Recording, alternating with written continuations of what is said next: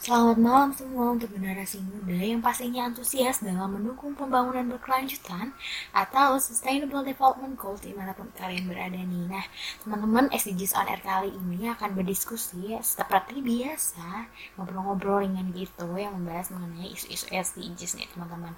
Nah, aku Agil Nursyamita akan ditemenin oleh seseorang spesial pada malam hari ini yang membahas mengenai tujuan 12 nih, yaitu memastikan pola konsumsi dan produksi yang berkelanjutan. Untuk isu yang kita bahas pada malam hari ini mengenai food waste nih, teman-teman semua. Ya udah, kita nggak usah lama-lama dulu yuk. Langsung aja kita sapa. Selamat malam Kak Nafia. Ya, selamat malam Kak Mita. Oke, nah, gimana kabarnya nih Kak Nafia? Alhamdulillah, baik sekali.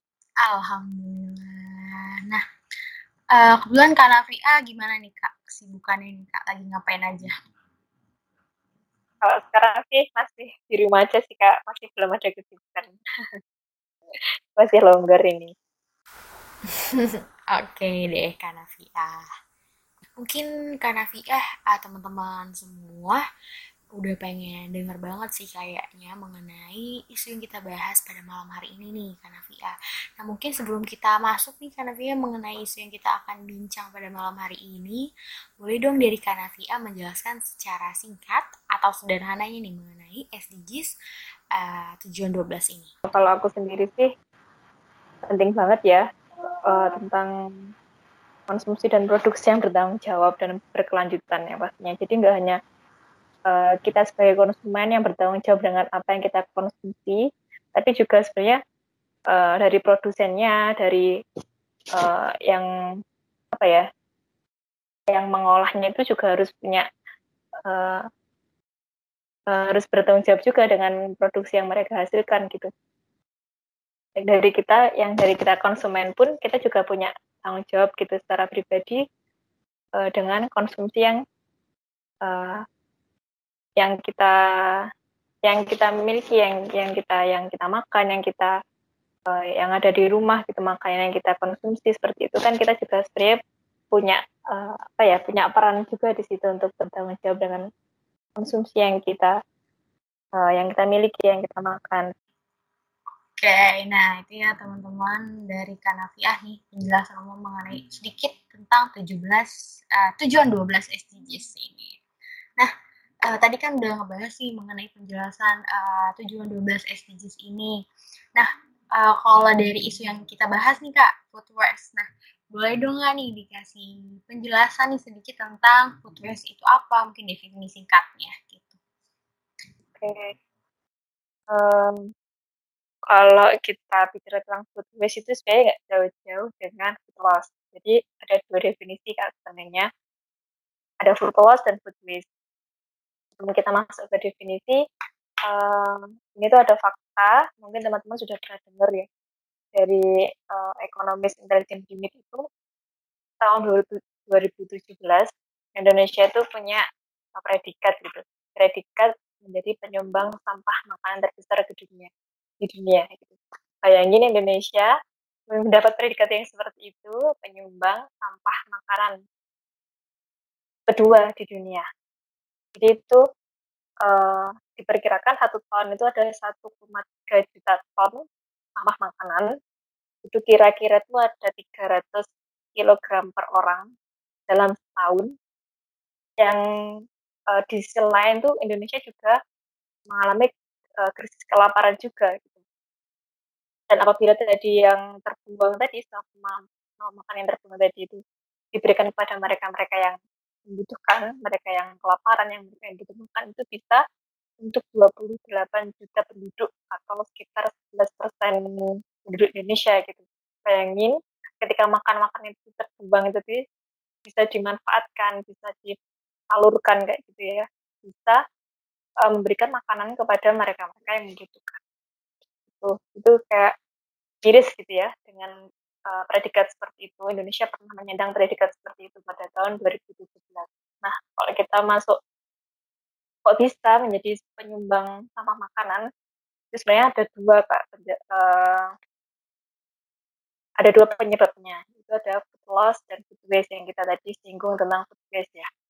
Uh, kalau food waste itu kan uh, definisinya itu uh, sampah makanan yang yang berasal dari makanan yang siap dikonsumsi atau yang sudah diolah. Jadi food ini adalah sampah makanan yang berasal dari sampah dari makanan yang di, siap dikonsumsi. Gitu. Kalau food loss, ada dua ya, dari food waste sama food loss. Kalau food loss itu sama makanan yang berasal dari bahan pangan yang belum terolah, kayak sayur, buah, ataupun makanan mentah yang lainnya. Nah, kalau kita nyinggung food waste itu sebenarnya penyebabnya apa sih? Gitu. Penyebabnya kalau dari uh, kita sebagai individu ya, mungkin dari pertama adalah yang yang paling sepele gitu. Mungkin kita nggak sadar ya itu bisa menyebabkan waste. Kita yang tidak menghabiskan makanan. Jadi uh, ternyata hal sepele kayak gitu aja kita menjadi penyumbang makanan juga, penyumbang sama makanan juga gitu.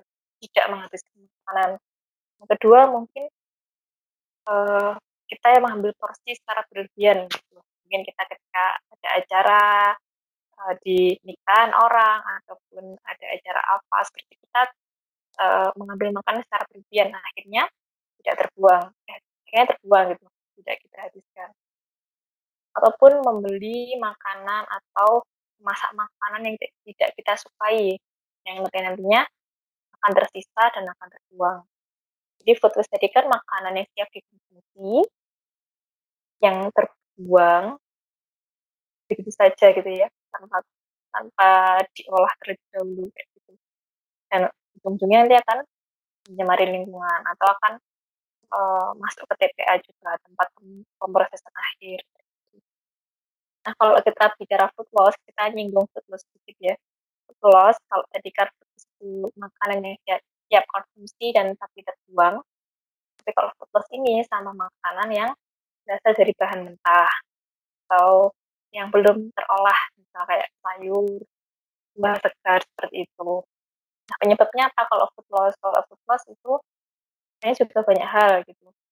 Biasanya hmm, ya, misal dari uh, petaninya gitu, misal di lahan ya, di lahan itu mungkin hasil panennya tidak uh, tidak hasil mutunya tidak bagus sehingga tidak bisa terjual di di pasaran ataupun harga di pasaran buah atau sayurnya tadi terlalu rendah sehingga jika petani menjualkannya itu akan malah rugi seperti itu. Jadi uh, mereka uh, lebih memilih untuk membuang uh, sampah atau eh, air atau buahnya tadi.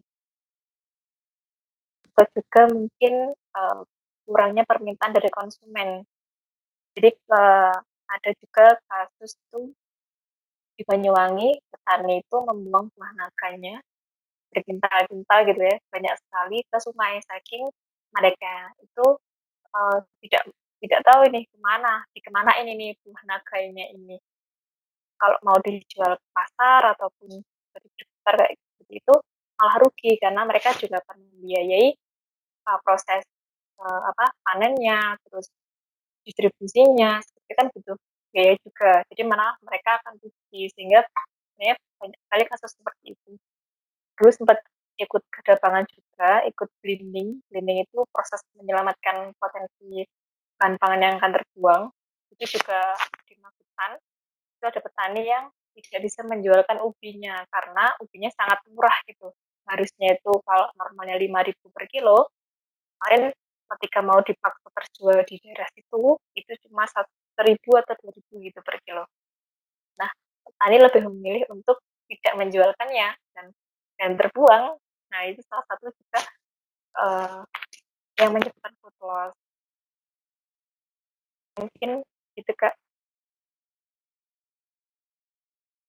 Oke, nah uh, tadi wah banyak banget nih penjelasannya nih kak. Nah, jadi tadi kalau food waste ini, jadi ini ya Kak dia uh, pengertian definisi singkatnya mungkin kalau aku tulis ini makanan yang sudah matang dan tersisa kayak gitu ya kayak. Ya? Benar. Dan kalau food waste, eh food loss ini dia masih berbentuk makanan belum uh, matang gitu, mak bahan mentah ya. uh, dan ya itu tadi kak ingin dan ingin hampir terbuang yang tadi kayak kakak bilang ubi yang para petani itu ya Iya, Nah, oke. Nah, gitu ya teman-teman. Uh, pengertian dari food waste. Nah, tadi kakaknya juga nambahin food loss sedikit nih ya. Dicatat nih teman-teman. Nah, uh, tadi kan kakak juga uh, udah ngejelasin banyak hal mengenai tadi definisi singkatnya food waste itu apa. Nah, uh, mungkin uh, kita balik lagi nih kak food waste-nya itu. Uh, kira-kira faktor timbulnya uh, food waste ini apakah selain mungkin memang banyak orang yang uh, suka nggak habis nih makannya gitu kira-kira apa nih kak? Hmm, uh, kalau dari kita individu ya mungkin itu tadi uh, kita yang mengambil porsi makan secara berlebihan atau kalau uh, di Indonesia itu kan sering ya mengadakan kayak acara nikah ataupun acara hajatan seperti itu. Maunya uh, makanannya dilebih-lebihkan padahal uh, cukupnya kan maksudnya kadang itu kan kayak merasa nanti takut kurang makannya kayak gimana kayak gitu. Biasanya potensi-potensi seperti itu yang malah banyak food waste kayak gitu.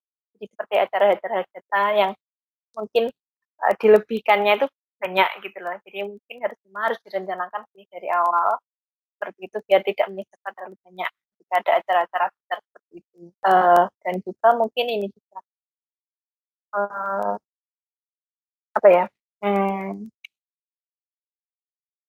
kita yang uh, tidak ada cara ketika ketika ketika makan itu sisa tapi masih bisa dimanfaatkan ada langkah-langkahnya juga kak biar untuk bisa mencegah waste jadi salah satunya adalah merencanakan masakan. Jadi kita memporsikan nih, hari ini kita mau, mau masak, mau masak untuk berapa orang nih satu hari kayak gitu. Untuk berapa orang satu hari, jadi kita bisa merencanakan oh untuk tiga orang nih makan pagi, sore, eh pagi, siang, sore seperti itu.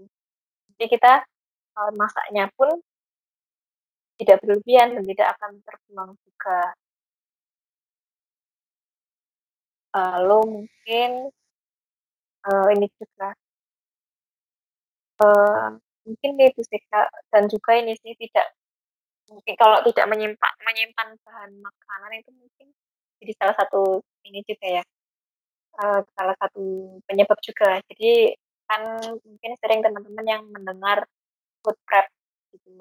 Itu food preparation itu salah satu cara untuk kita menjaga kualitas bahan masakan kita agar tetap uh, segar gitu. Bisa di bisa uh, dimanfaatkan gitu. Juga tidak mudah busuk kayak gitu. Jadi itu jadi salah satu ini penyebab juga ketika kita tidak, bisa menyimpan bahan masakan dengan baik dengan benar itu ujungnya juga akan jadi fitness mungkin seperti itu kak. Nah tadi uh, memang asalnya itu dari kita ya kayak membuang makanan, makanan tersisa dan sebagainya tadi nih teman-teman nih. Nah kira-kira kak tadi kan uh, Indonesia pernah ya um, mendapat predikat dengan uh, waste tertinggi nih kak. Nah kira-kira uh, apa sih Kak Navia nih yang melatar belakangi mengapa di Indonesia tinggi gitu?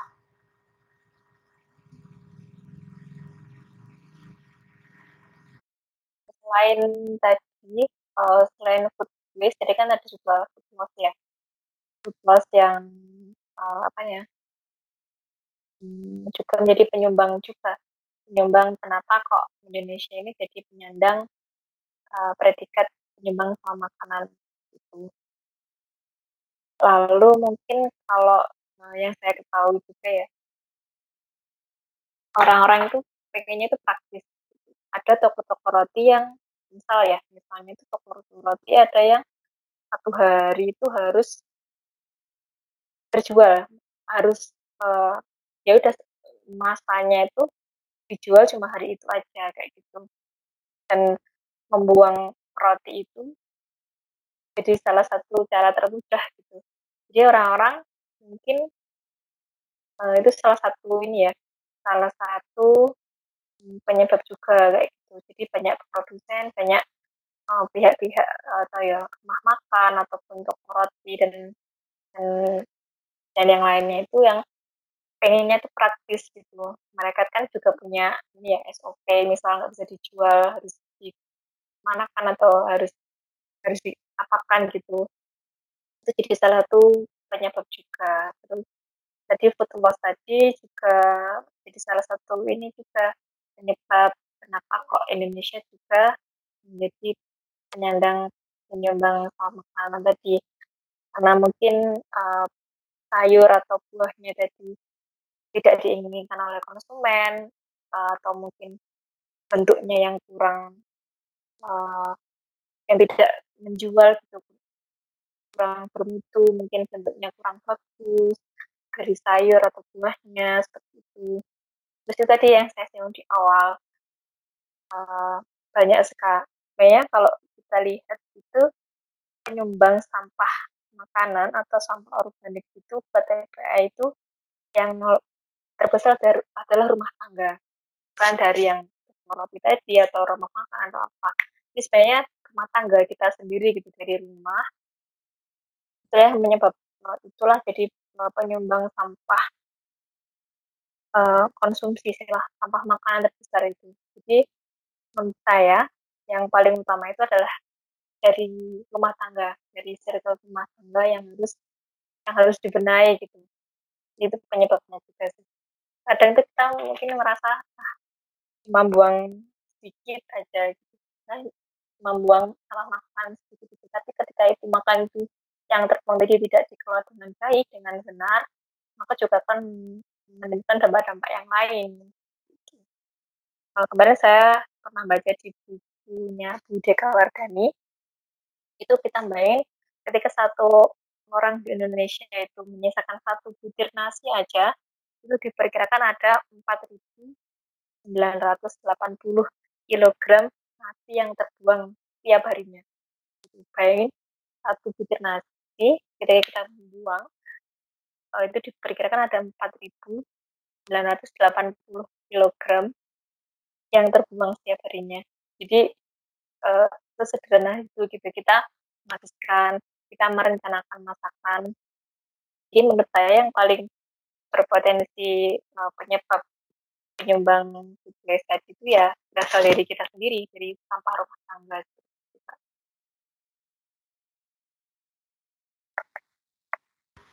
Oke, nah tadi uh, ini ya kak ternyata banyak dari justru limbah rumah tangga ya kak yang banyak menimbulkan food waste ini ya kayak ya? Betul nah tadi kan kakak juga sempat nyinggung tuh yang uh, satu butir uh, nasi saja itu kalau misalnya uh, per harinya sudah satu Indonesia kayak gitu udah menimbulkan banyak dampak ya kak. Kira-kira nih kak dampak apa aja sih kak nih yang akan ditimbulkan dari permasalahan waste ini jadi memang mungkin banyak nih kak yang belum tahu mengenai suka ada yang makan gak habis tuh ya udah dibuang aja gitu. Tapi mereka ternyata nggak tahu dampaknya ini begitu besar permasalahan waste ini ya kak ya.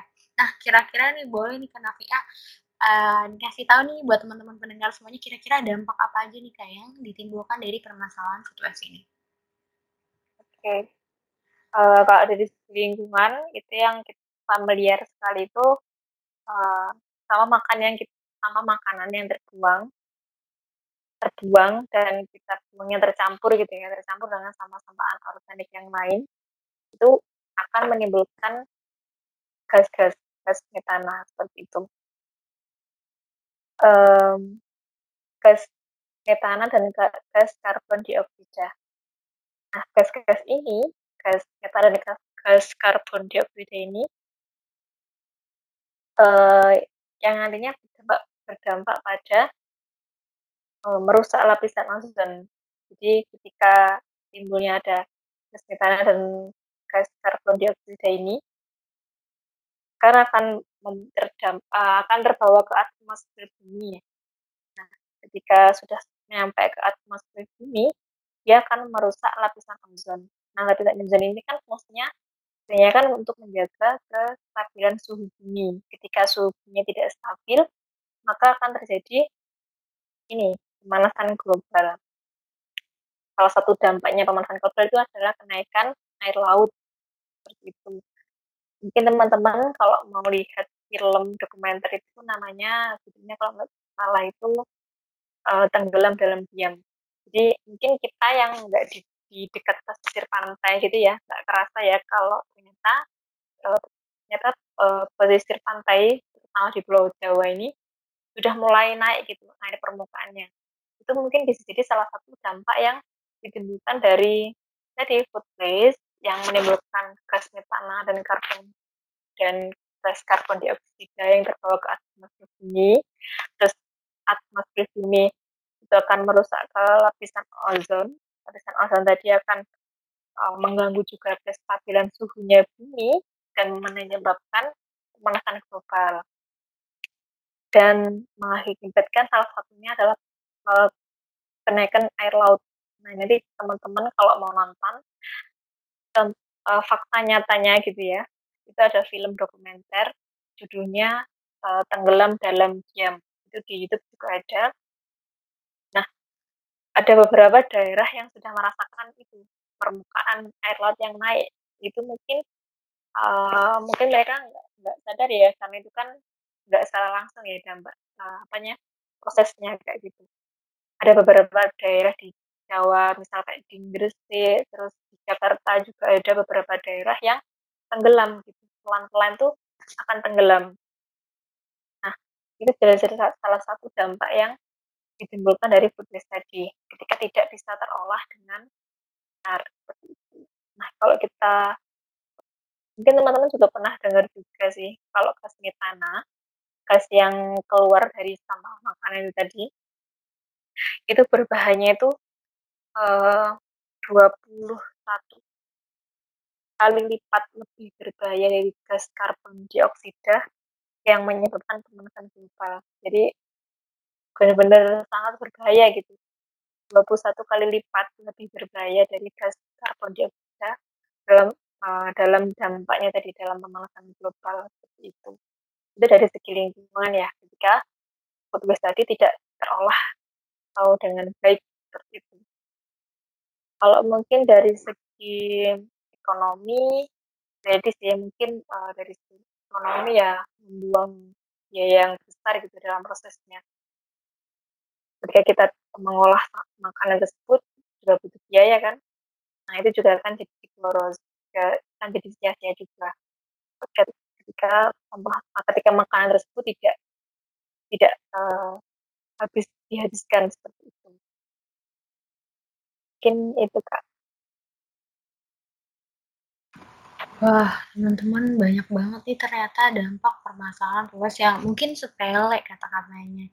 Uh, tidak menghabiskan makanan atau mungkin makanan yang tersedia di depan kita itu mungkin terlihat sepele ya teman-teman, ternyata banyak sekali nih dampaknya. Yang salah satunya ini ternyata food waste ini mengeluarkan gas metana, betul ya Kak Navia ya? Ya, benar.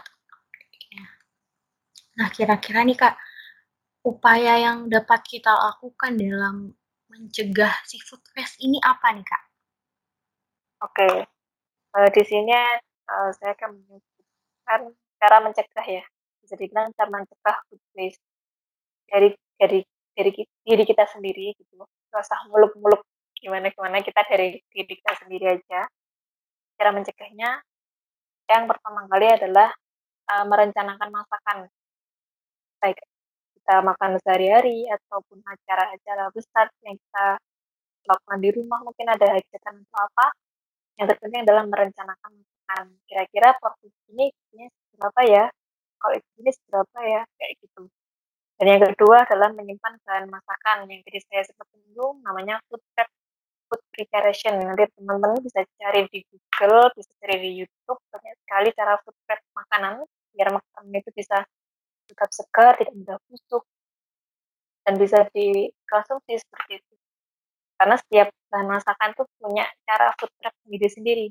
Misal kayak toge, uh, uh, cara menyimpannya di kulkas dengan dikasih air, sama dengan kayak wortel, terus apa namanya seledri itu mungkin di wadah tertutup dikasih tisu seperti itu jadi ya bahan masakan tuh ya beda-beda caranya nah itu penting sih menurut saya untuk diterapkan. Jadi menyimpan bahan masakan. Yang kedua itu cara menyimpan bahan masakan dengan benar dengan cara food prep tadi, food preparation. Yang ketiga, dengan sederhana kita menghabiskan makanan. Uh, pernah dengar gini take all you can eat and eat all you can take. Jadi uh, ambil yang dapat kamu makan dan makan yang sudah kamu ambil.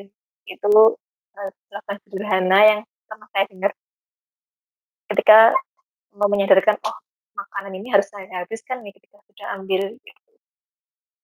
dan yang keempat ketika ada makanan yang uh, berlebih gitu di rumah misal dan, dan masih layak makan maka kita memberikan makanan tersebut ke tetangga ke saudara jadi ketika masih layak makan um, masih bisa dimakan seperti ya kita bisa memberikan makanan yang berlebih tadi ke mereka yang membutuhkan atau ke saudara kita, ke tetangga kita. Jadi yang keempat, memberikan makanan yang berlebih kepada uh, tetangga atau saudara atau mereka yang membutuhkan. Yang kelima, dengan mengolah sisa makanan. Jadi ketika uh, si sisa makanan tadi, si food waste tadi, uh, masih ada gitu, kita sudah kita sudah mencoba membagikan, kita, kita sudah mulai kita sudah merencanakan, eh tapi ternyata masih ada food nih. Kita belajar untuk mengolah sisa makanan tersebut gitu. Uh, misal nasi dibikin kerupuk nasi ataupun uh, tadi ada sisa sayur kita regro atau kita kembali ataupun uh, kalau pernah dengar juga itu ada ekoenzim. Ekoenzim ini bisa memakai sisa kulit kulit buah atau sisa sayur itu bisa dibuat ekoenzim yang manfaatnya banyak sekali. Salah satunya untuk uh, uh, apa ya bahan pembersih rumah tangga, misalnya buat ngepel, buat yang lain gitu, bersih bersih bersih di rumah gitu. Mungkin mungkin teman-teman bisa cari ya. Banyak sekali inspirasi untuk mengolah sisa makanan. Maksudnya tadi merekro sisa sayuran misal atau um, membuat uh, mengolah mengolah sisa, sisa sayuran atau sisa makan yang lain. Misal kayak tadi bikin ekoenzim dari kulit sayur eh, kulit buah sama sisa sayuran. Tadi bisa ekoenzim namanya. Teman-teman kalau mau browsing dan yang terakhir adalah mengompos nah sebenarnya mengompos ini bukan jadi salah bukan satu-satu satu-satunya cara, tapi malah ini adalah cara terakhir.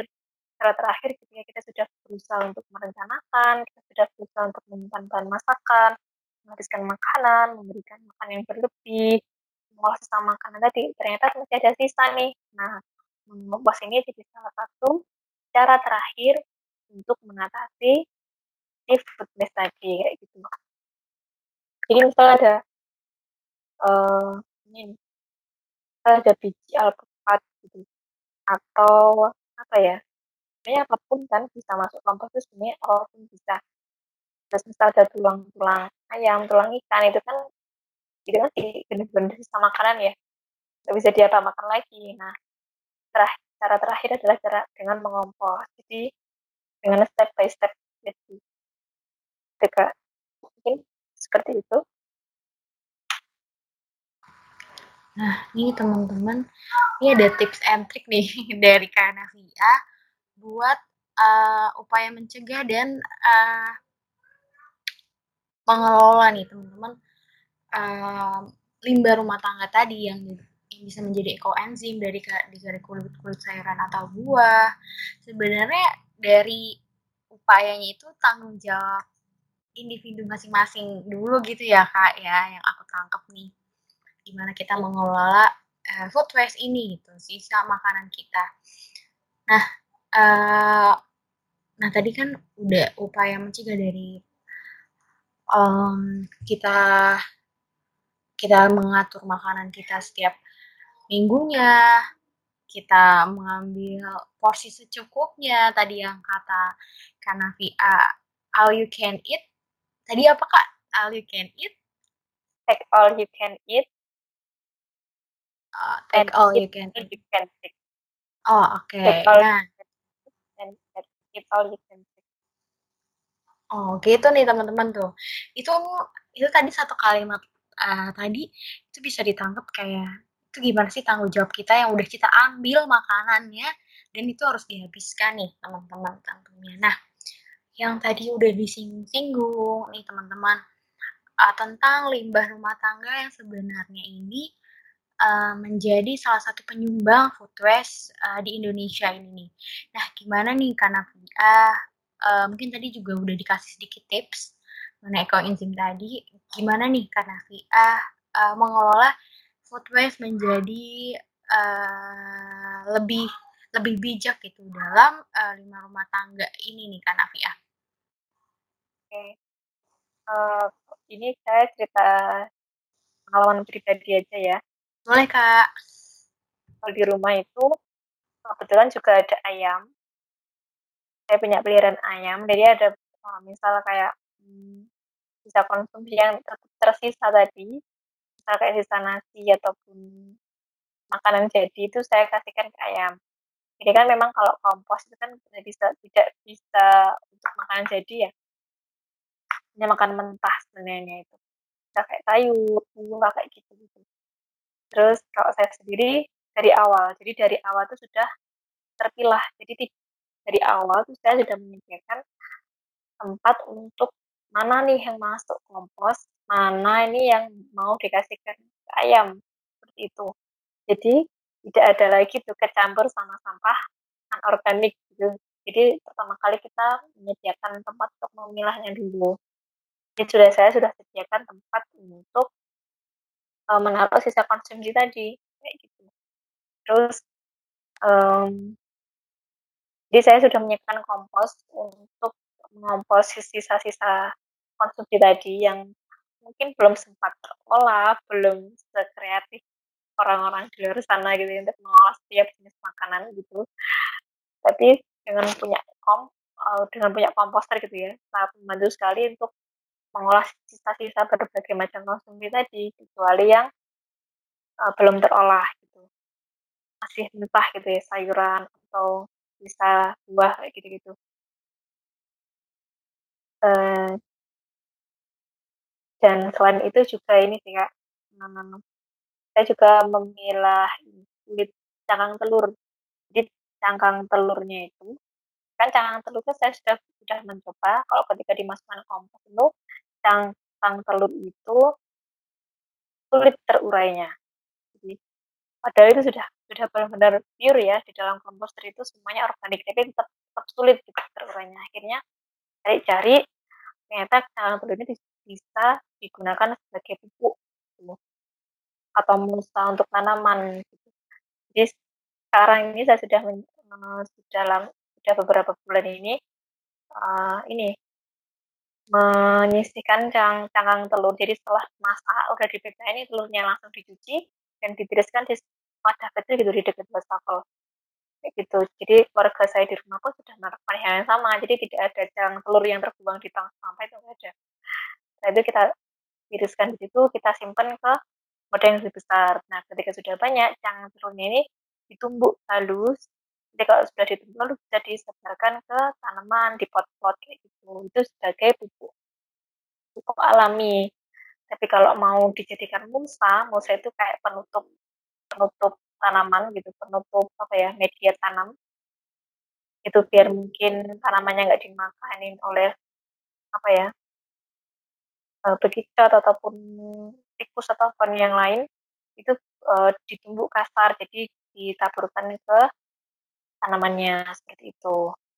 Jadi beberapa konsumsi itu saya masukkan ke kompos, sisa makan itu saya masukkan ke kompos, misalnya kayak uh, kulit kulit pisang, terus apa ya, uh, biji salak, kulit kulit semangka, sebenarnya apa pun apa pun yang bukan makanan siap makan gitu. Ada beberapa yang saya masukkan ke kompos, ada juga yang saya olah menjadi ekoenzim. Ekoenzim ini hasil fermentasi. Jadi kalau teman-teman mau searching ya, apa sih ekoenzim ini, gimana sih caranya, mungkin bisa searching sendiri lebih detailnya seperti apa. Yang pasti ekoenzim ini uh, bisa digunakan untuk uh, cairannya bisa digunakan untuk banyak hal gitu. Salah satunya untuk uh, bersih lantai. Jadi bisa kulit kulit kulit buah ataupun sisa sayuran itu bisa dibuat enzim gitu. Jadi nggak nggak nggak langsung terbuang, nggak langsung masuk kompos, tapi kita perpanjang dulu nih usia sisa sisa konsumsi tadi. Sisa food waste tadi. Gitu. Jadi yang sudah saya lakukan sama mengompos terus kedua tadi membuat beberapa apa ya uh, olahan gitu ya salah satunya itu enzim tadi terus juga memperpanjang uh, usia usia usia tanaman usia sisa konsumsi food waste jadi mungkin kalau telaten gitu ya beberapa diri itu sebelum saya tidak terlalu telaten jadi mungkin itu jadi salah satunya adalah dengan cara memperpanjangnya dengan membuat enzim tadi. Terus juga e, memanfaatkan cakang telur untuk dijadikan pupuk tanaman atau misa jadi dan sisanya makan jadinya misalnya masih ada sisa nih benar-benar ada sisa itu saya kasihkan ke ayam. Mungkin seperti itu yang sudah saya terapkan. Wow banyak banget kan Nafi. Ya aduh jadi malu. Banyak banget kak. Itu yang tadi sebenarnya aku agak ini kak agak tertarik dengan ekoenzim tadi kak. Nanti aku searching nih di Google. Ternyata banyak manfaatnya selain buat ngepel apa aja tuh karena VA biasa yang ngelakuin? Kalau sementara ini aku masih buat ngepel aja sih kak. Karena hmm. itu juga prosesnya kan lama ya.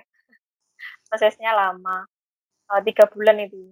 Jadi ada perbandingannya. Uh, antara air uh, buah atau sayur sayur tadi sama gula gula merah gula aren hmm. kayak gini so ini sih masih saya pakai untuk ngepel aja terus ditutup di wadah yang rata gitu ya pak ya karena itu kan sebenarnya uh, cairan fermentasi ya jadi hmm. ditutup itu buat biar terjadi proses fermentasinya tadi oke okay. oke okay. mungkin aku jadi nanti tiga bulan baru bisa digunain gitu ya kan ya ya makanya uh, bikinnya sekalian banyak. Oh iya, iya. Kulit apa aja tuh ya kak Navia biasanya kak Navia buatnya dari kulit apa aja tuh kak? Uh, aku uh, uh, dulu sih pertama kali bikin tuh aku pakai kulit jeruk karena kan wangi ya. Jadi sebenarnya enzim tuh apa pun bisa. Yang penting nggak busuk. Mau sayur mau buah itu sebenarnya semuanya bisa pokoknya yang segar nggak busuk gitu kak. Apa pun. Oke nah kalau oke oke lanjut kak. pemula kalau pemula mungkin bisa pakai kulit jeruk atau yang wangi-wangi gitu kak. Oh, kulit jeruk oh oke oke. Nah nih teman-teman yang masih penasaran nih teman-teman aku saranin nih. Boleh nih teman-teman lihat Instagramnya Kanavia betul ya kak? Kanavia sering ya. nih teman-teman uh, ngupdate tentang kegiatan uh, mengurangi food waste kayak gitu nih teman-teman. Atau di uh, bumi hijau punya Kanavia betul ya kak? Ini teman-teman bisa follow. Iya nih teman-teman yang mau kira-kira uh, yang pengen contoh-contoh lihat-lihat sedikit nih. Boleh nih teman-teman intip Instagram kan Avi uh, nah uh, tadi kan udah banyak banget ya teman-teman uh, mengenai uh, pencegahan definisi singkat tentang food waste kayak gitu. Nah upaya yang dilakukan sebenarnya uh, permasalahan food waste ini sangat urgensi nih teman-teman. Karena karena dari dampak yang ditimbulkan itu cukup besar sekali dari perubahan iklim dan sebagainya. Nah, karena VA mungkin nih uh, dari teman-teman pendengar uh, masih banyak nih yang belum uh, aware banget tentang permasalahan food waste ini. Boleh nih karena VA uh, kasih sedikit uh, kesan-pesan terakhir nih untuk uh, permasalahan isu food waste ini di luar sana bagi-bagi teman uh, pendengar SDGs on Air.